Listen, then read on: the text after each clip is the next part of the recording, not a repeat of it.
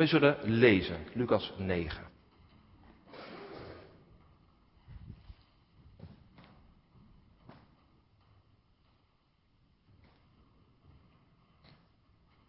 Toen de tijd naderde dat Jezus in de hemel zou worden opgenomen, ging hij vastberaden op weg naar Jeruzalem.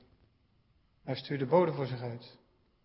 In een Samaritaans dorp waar ze kwamen om zijn komst voor te bereiden, wilden de dorpelingen hem niet ontvangen, omdat Jeruzalem het doel van zijn reis was. Toen de leerlingen Jacobus en Johannes merkten dat Jezus niet welkom was, vroegen ze, Heer, wilt u dat wij vuur uit de hemel afroepen dat hen zal verteren?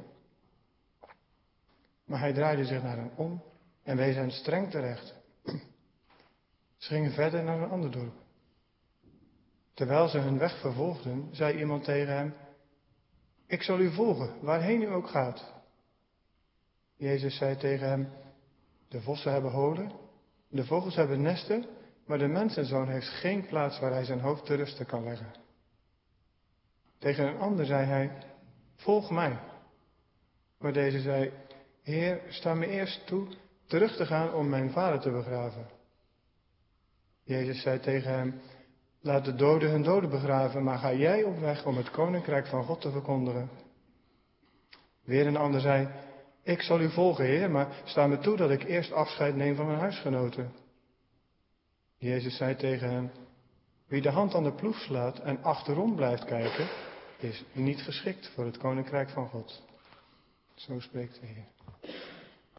De tekst voor de prediking is het uh, tweede gedeelte van wat we zojuist gelezen hebben. Lucas 9, vers uh, 57 tot en met uh, 62. Dus Lucas 9, vers 57 tot 62. Drie korte uh, gebeurtenissen over het volgen van Jezus. Drie korte ontmoetingen. En straks in antwoord op de verkondiging zingen wij het lied van Sela. Heer, wijs mij uw weg.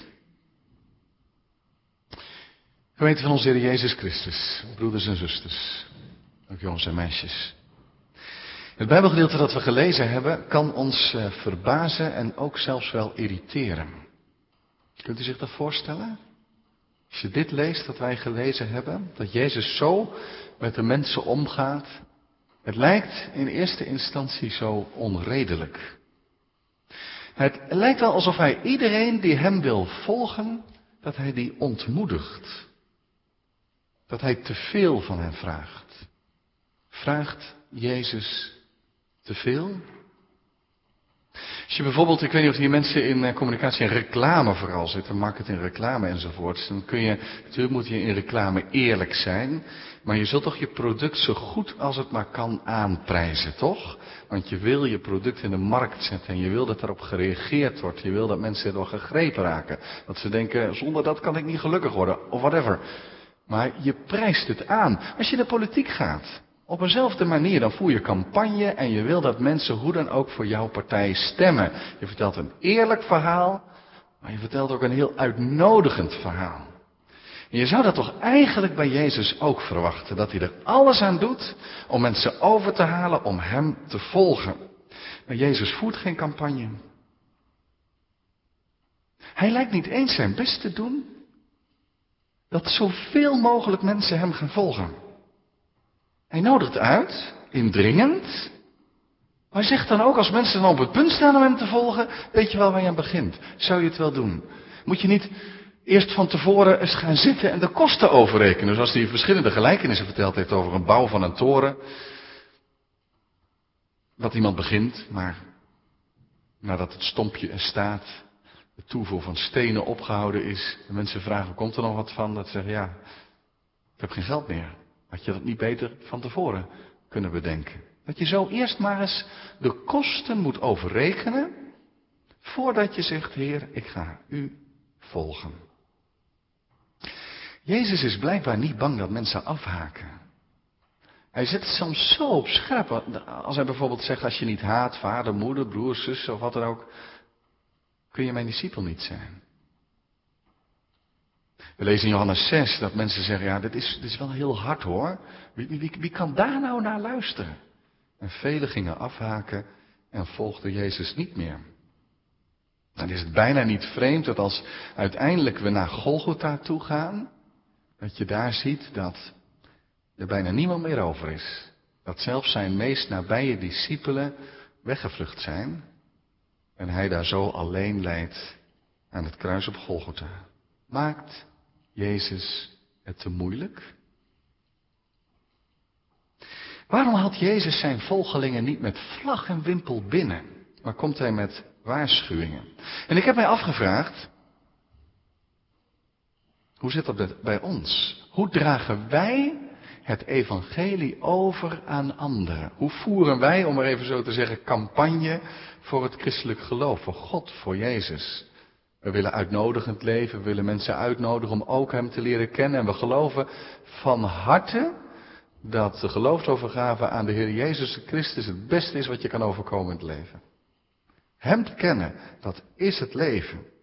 We zeggen het geloof is het mooiste wat er is. En we hebben natuurlijk ook geduld met mensen die nog allerlei vragen hebben en zich helemaal niet kunnen overgeven aan God. En, en we gaan daar zeer, ik zeg we, schuif u dat zomaar even in de schoenen, ik heb het natuurlijk over mezelf. Maar we, we gaan er heel omzichtig mee om. We hopen maar dat langzamerhand het geloof groeit. Zitten we ernaast? Pakken we het verkeerd aan? Zijn we te bang mensen te verliezen? Durven we iemand die zegt dat het geloof wel belangrijk is, maar niet tot een echte keuze komt, durven we die voor de keus te stellen? Zijn zomaar een paar vragen aan de voorkant van deze preek. Bij deze drie korte verhalen over het volgen van Jezus. Een thema is Jezus volgen, maakt Jezus het niet te moeilijk. Lucas plaatst hier drie incidenten, korte ontmoetingjes bij elkaar en hij doet het op een bijzonder moment in zijn evangelie. We zijn niet voor niets gaan lezen in Lucas 9, vers 51, dat begint geen nieuw hoofdstuk. Had wel gemogen, want dat is eigenlijk het de grote knip in het Lucas-evangelie. Vanaf hoofdstuk 9, vers 51, zie je dat het eerste deel van Jezus' missie eigenlijk voorbij is en dat hij vanaf nu op reis gaat richting Jeruzalem omdat zijn opname, de, de voltooiing aanstaande is. Hij gaat dus echt de weg naar het kruis. En hoe die weg eruit ziet, zie je dan direct vanaf vers 51 als ze door Samaria gaan en er is geen ruimte voor hem. Hij wordt de deur gewezen en dan zeggen die twee discipelen, de zonen van de donder, die zeggen, zullen we erop slaan? Als u nou eens zegt dat er vuur uit de hemel komt, is dat ook geregeld. Want u kunt zich toch niet uh, zo weg laten sturen. Maar dan zegt Jezus, jullie begrijpen de weg niet die ik ga. Dan zie je dat hij al die weg gaat typeren die hij nu gaat. Het is de weg naar Jeruzalem. Het is de weg naar Golgotha. Het is de weg van de zelfverloochening en de weg van de verwerping. Het is uiteindelijk de weg van kruis en lijden. Dan slaan we er niet op en dan daalt er geen vuur uit de hemel. Maar zegt Jezus, dan zal ik zelf onder dat oordeel van God komen te staan. Opdat er leven en vrede voor de mensen is. En daarom wijst hij een scherp terecht. Ik ben gekomen om te behouden, niet om verloren te laten gaan. En direct daarna vertelt Lucas ons van drie korte gesprekjes die Jezus onderweg dus op diezelfde weg naar Jeruzalem heeft. Drie korte gesprekjes. Het gaat telkens over mensen die eigenlijk Jezus wel willen volgen, maar op de een of andere manier nog een aarzeling hebben. Heer, ik wil u volgen, maar. Ik ben er klaar voor, maar ik heb nog één ding te doen. En we weten gewoon bij die drie korte ontmoetingen niet hoe het afgelopen is. Ik heb een paar keer gedacht, Lucas, het is te kort omschreven. Had je er niet wat meer woorden aan kunnen besteden? Hadden we tenminste geweten hoe het afgelopen was. Want zijn ze nou Jezus wel of niet gaan volgen? Zijn ze nou afgehaakt? Of hebben ze, naar aanleiding van de reactie van Jezus, gezegd, oké, dat neem ik ter harte en zo ga ik hem volgen? Of zou zou Lucas dat bewust doen? Dat hij dat heel kort opschrijft. En dat telkens een woord van Jezus het laatste is. En dat dan voor ons als lezer in het midden blijft. Dat hebben ze nou gedaan. Omdat Lucas dan eigenlijk ons aankijkt en zegt. En jij? En u? Volg jij? Nou, we gaan ze alle drie even langs en dan bekijken we het geheel nog even. De eerste komt zelf naar Jezus toe. Terwijl ze hun weg vervolgden, vers 57, zei iemand tegen hem, ik zal u volgen waar u ook heen gaat. Kan het mooier dan dat? Niet alleen ik zal u volgen, dat is al prachtig. Ik zal u volgen waar u ook heen gaat. Dat is iets van totale overgave zou je kunnen zeggen.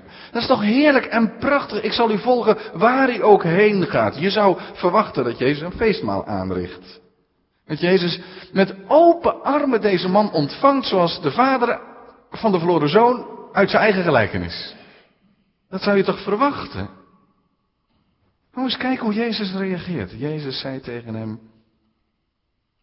vossen hebben holen, vogels hebben nesten, maar de mensenzoon heeft geen plaats waar hij zijn hoofd te rusten kan leggen. Zet Jezus er een domper op? In ieder geval is het een soort waarschuwing. Beste man, we zijn zojuist verworpen door de Samaritanen en dat is nog maar het begin. Als ik mijn volgelingen straks uitzend, dat zal gebeuren in Lucas 10, het derde vers lees je daarover, dan zullen ze gaan als lammeren te midden van de wolven. Nou, wat kun je daarvan verwachten? Inmiddels hebben we in Nederland ook ervaring dat je niet eens nog maar een lam hoeft te zijn om tamelijk weerloos te zijn voor de wolf. Als lammeren te midden van de wolven. Mijn weg gaat naar Jeruzalem. Het zal een weg van verwerping en van lijden zijn. Ik heb geen plekje om het hoofd neer te leggen. Weet je wel wat je zegt? Weet je wat je zegt als je mij wil volgen? Besef je het? Eigenlijk zegt Jezus, en natuurlijk, we krijgen maar een heel kort moment. Maar, maar Jezus zegt daarin eigenlijk, je kunt het wel willen, maar zoals bij zoveel, je kunt beginnen met enthousiasme, maar dat enthousiasme kan heel snel overgaan. Kan maar zo voorbij zijn. Heeft het volgen wel echt grond? Je kunt alleen volgen.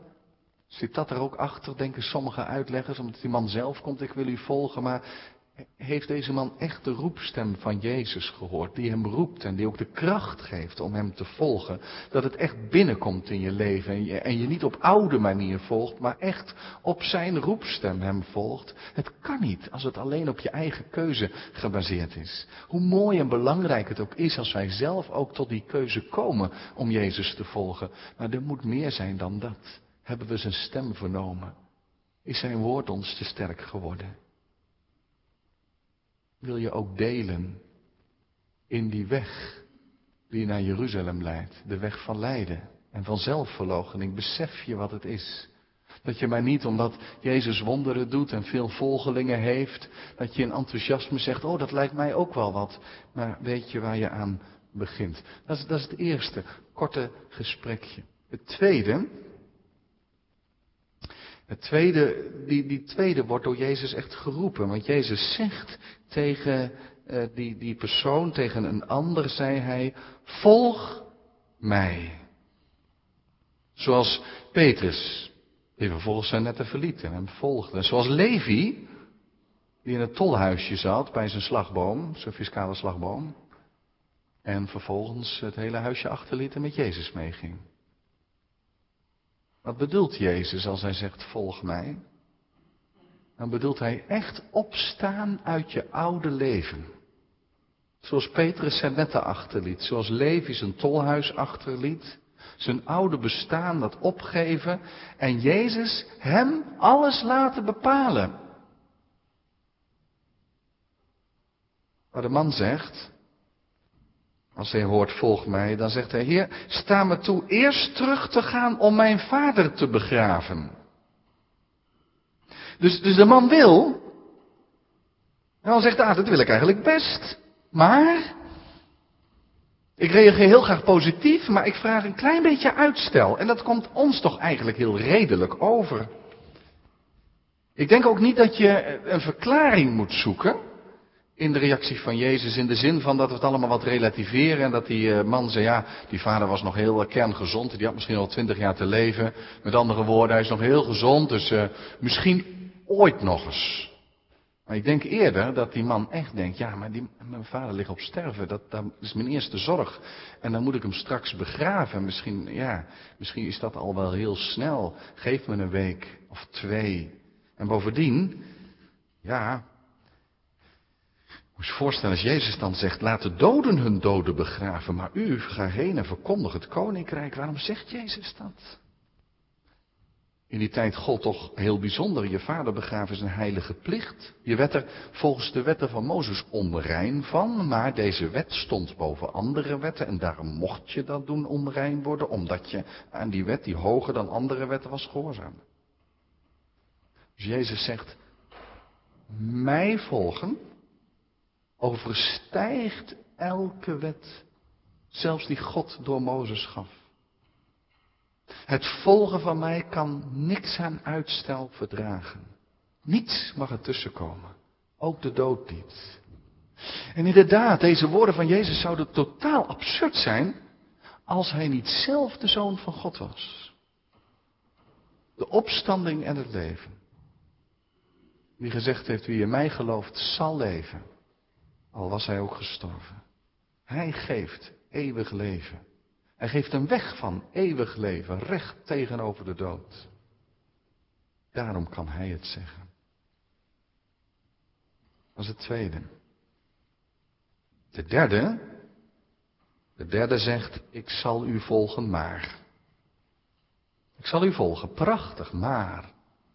Mag ik eerst even afscheid nemen? Heer, sta me toe dat ik eerst afscheid neem van mijn huisgenoten.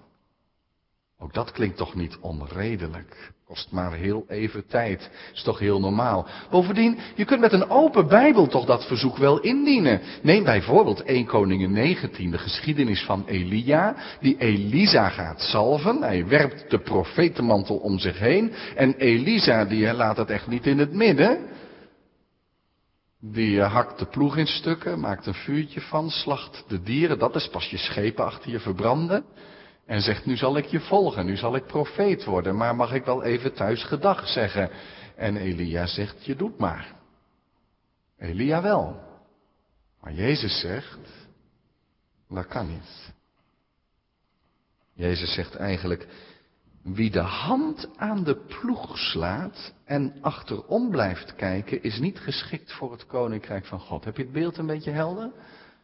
Tegenwoordig schijnt dat uh, met allemaal techniek te gaan. Ik denk ook altijd, hoe krijgen ze die strepen zo recht op de weilanden en op de akkers? Zo kaarsrecht. GPS-trackers in de... Ja, toch? Heb ik me laten vertellen. Ik uh, had dus een preek hierover gehouden en ik was er zo verbaasd over dat iemand me even achteraf zei van, ja, hè, dat is niet omdat die boer zo'n vaste hand heeft hoor. Daar zit wat uh, techniek aan. Ja, kijk. Maar het blijft even wonderlijk natuurlijk, hè? En knap ook. Maar goed, moet je eens voorstellen dat je daar een ossenspan ossen hebt en je hebt je, uh, je ploeg vast. Dat doe je dan, dan richt je op één punt daar in de vet, hè? En daar moet je precies naartoe. Dat is de enige kans om een rechte lijn te krijgen. Want als je voortdurend achter je krijgt, gaat die lijn ook goed?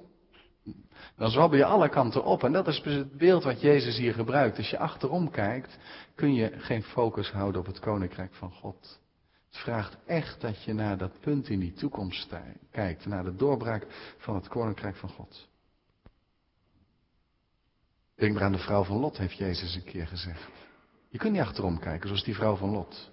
En vasthouden, eigenlijk, dat je zegt, ik ben wel bevrijd uit Sodom, maar ik kan er toch niet van loskomen. Ik, ik, ik moet terugkijken, ik kan het niet achter me laten. Nodig is de blik op Jezus en op Gods koninkrijk. Je kunt niet steeds terugkijken naar je oude leven. Oh, wat ben ik allemaal kwijtgeraakt. Oh, wat is dat lastig. En dan een volgeling van Jezus zijn. Het is het oude leven achterlaten. En echt je toevertrouwen aan de weg van Jezus. Je moet niet twee willen in je hebben. Jezus volgen en vasthouden aan je eigen leven. Dat is het derde. Scherp hè, van Jezus. Drie korte verhaaltjes. Wat is hier nou gaande? Waarom vraagt Jezus het uiterste? Waarom neemt hij het risico dat deze mensen dus afhaken en zeggen, nou als het zo moet? dan niet voor mij? Is hij dan niet bang dat ze afhaken? En hoe zit dat bij ons? Als Lucas dan inderdaad de uitkomst van gaan ze hem nou volgen of niet openlaat, wat doet dat met ons? Vindt u deze drie gedeeltes, vinden jullie deze drie gedeeltes nou aansporingen om Jezus te volgen? Of denk je als je dit leest, nou, nou, nou, nou, dan weet ik het niet hoor. Nodigt dit gedeelte uit om Jezus te volgen? En ik denk van wel. En dat wil ik proberen uit te leggen. En dit is volgens mij de sleutel. Dan neem ik je even mee naar een andere geschiedenis. Waarin iets soortgelijks gebeurt. Waar we iets meer tekst hebben. Dat is de geschiedenis van die rijke jonge man. Die naar Jezus toe gaat. Hem prijst. En dan zegt. Wat moet ik doen om het eeuwige leven binnen te gaan? En dan zegt Jezus. Hou de geboden. Die man zegt, heb ik eigenlijk gedaan van mijn jeugd af. Wat ontbreekt mij nog? En dan zegt Jezus, ga naar huis, zet alles wat je hebt op marktplaats, geef het geld aan de armen, kom terug en volg mij. En dan gaat die man verdrietig weg, hij kan er niet toe komen en die man loopt weg en Jezus bemint hem. Maar hij loopt er niet achteraan om te zeggen, oh, maar, maar, maar, maar, zo erg was het niet hoor, dat bedoelde ik allemaal niet en je mag elk moment minder mij wel volgen. Blijkbaar moet die man zo zalig worden. En misschien niet alleen hij.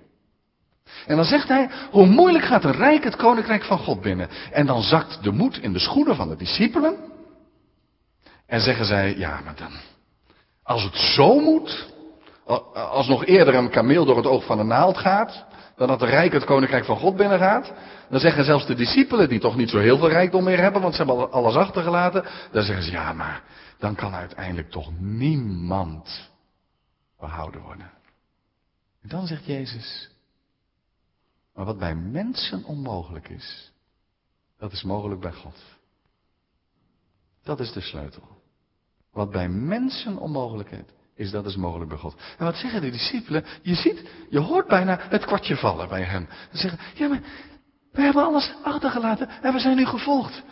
En, en net zeiden we nog, wie kan dan zalig worden? Maar inderdaad, het is gebeurd in ons leven. Toen Jezus ons riep, toen, toen trok ons zoveel aan Jezus. Dat we alles hebben laten vallen, alles achtergelaten hebben. En we zijn Jezus gaan volgen. Het kan dus echt wel. Alleen niet bij mensen, maar bij God. Zo gauw je op het spoor blijft zitten van ik ga volgen, ik overzie het, ik zie het zitten en met enthousiasme kom ik er wel en ik wil zo wel een volgeling zijn, dan red je het niet. Zolang je nog het overziet, namelijk niet alleen de voorkant van de ploeg, maar ook de achterkant, dan komt het niet goed. Zolang je op twee gedachten blijft hinken, komt het niet goed. Eigenlijk zou je kunnen zeggen, pas als je in de onmogelijkheid komt, dat je doorhebt van ja, maar de Heer vraagt niet maar de helft, maar hij vraagt mijn hart en mijn leven. Het volgen van Jezus is iets van totale overgave aan Hem. Het moet door de onmogelijkheid heen. Anders gezegd, dat klinkt namelijk nogal onmogelijk als ik het zo zeg. Het kan niet zonder de overgave aan Hem in ons gebed. En dan kun je ook zeggen, dat betekent niet dat je afscheid moet nemen van het dagelijks leven. Of dat je niet een vader ten graven mag dragen. Het kan ook midden in het leven. Misschien zelfs is het nog wel gemakkelijker om alles achter te laten met Jezus mee te gaan, dan dat je gewoon op je, op je werk blijft met die vervelende e-mails en die uh, collega die het bloed onder de nagels vandaan haalt.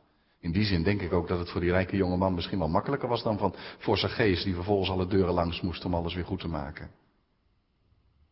Is maar, wat is makkelijker?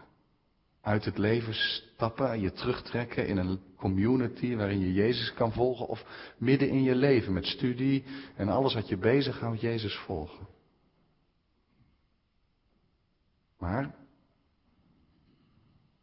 we moeten ons leven wel kwijt aan Jezus. Want als het bij proberen blijft, dan lukt het je niet. En daarom is Jezus ook niet bang dat mensen afhaken. Want misschien zegt hij, ik denk dat hij denkt, ja maar als het, niet, als het niet echt, als je door die onmogelijkheid heen bent gegaan, als je niet die overgave kent, dan, dan zul je ook afhaken. Dat, daar, dat ga je echt niet voorkomen. Dat gaat gebeuren. Je moet door de dood heen het leven vinden. En daarom leg ik dit gedeelte ook niet uit zoals sommigen doen dat het alleen om een hele bijzondere roeping zou gaan voor zendeling, evangelist of predikant. En trouwens, dat helpt ons ook niet zoveel, want ook zendelingen denken erover na of ze hun gezin wel mee kunnen nemen naar een ander land enzovoort. Die hebben ook wel eens kosten te overrekenen. Zo van je kunt ook een goed gelovige zijn zonder dat alles achter te laten. Nee, het gaat hier over elke volgeling. Over leven en dood. Niemand kan een discipel van mij zijn zonder dat je je leven inlevert bij Jezus. Want wie zijn leven zal verliezen, die zal het behouden. Zegt Jezus, maar wie het zal willen behouden, die zal het verliezen. Dus die drie gesprekjes, die Lucas hier samenzet, aan het begin van die weg van Jezus, zijn niet bedoeld om je af te schrikken. Zeker niet.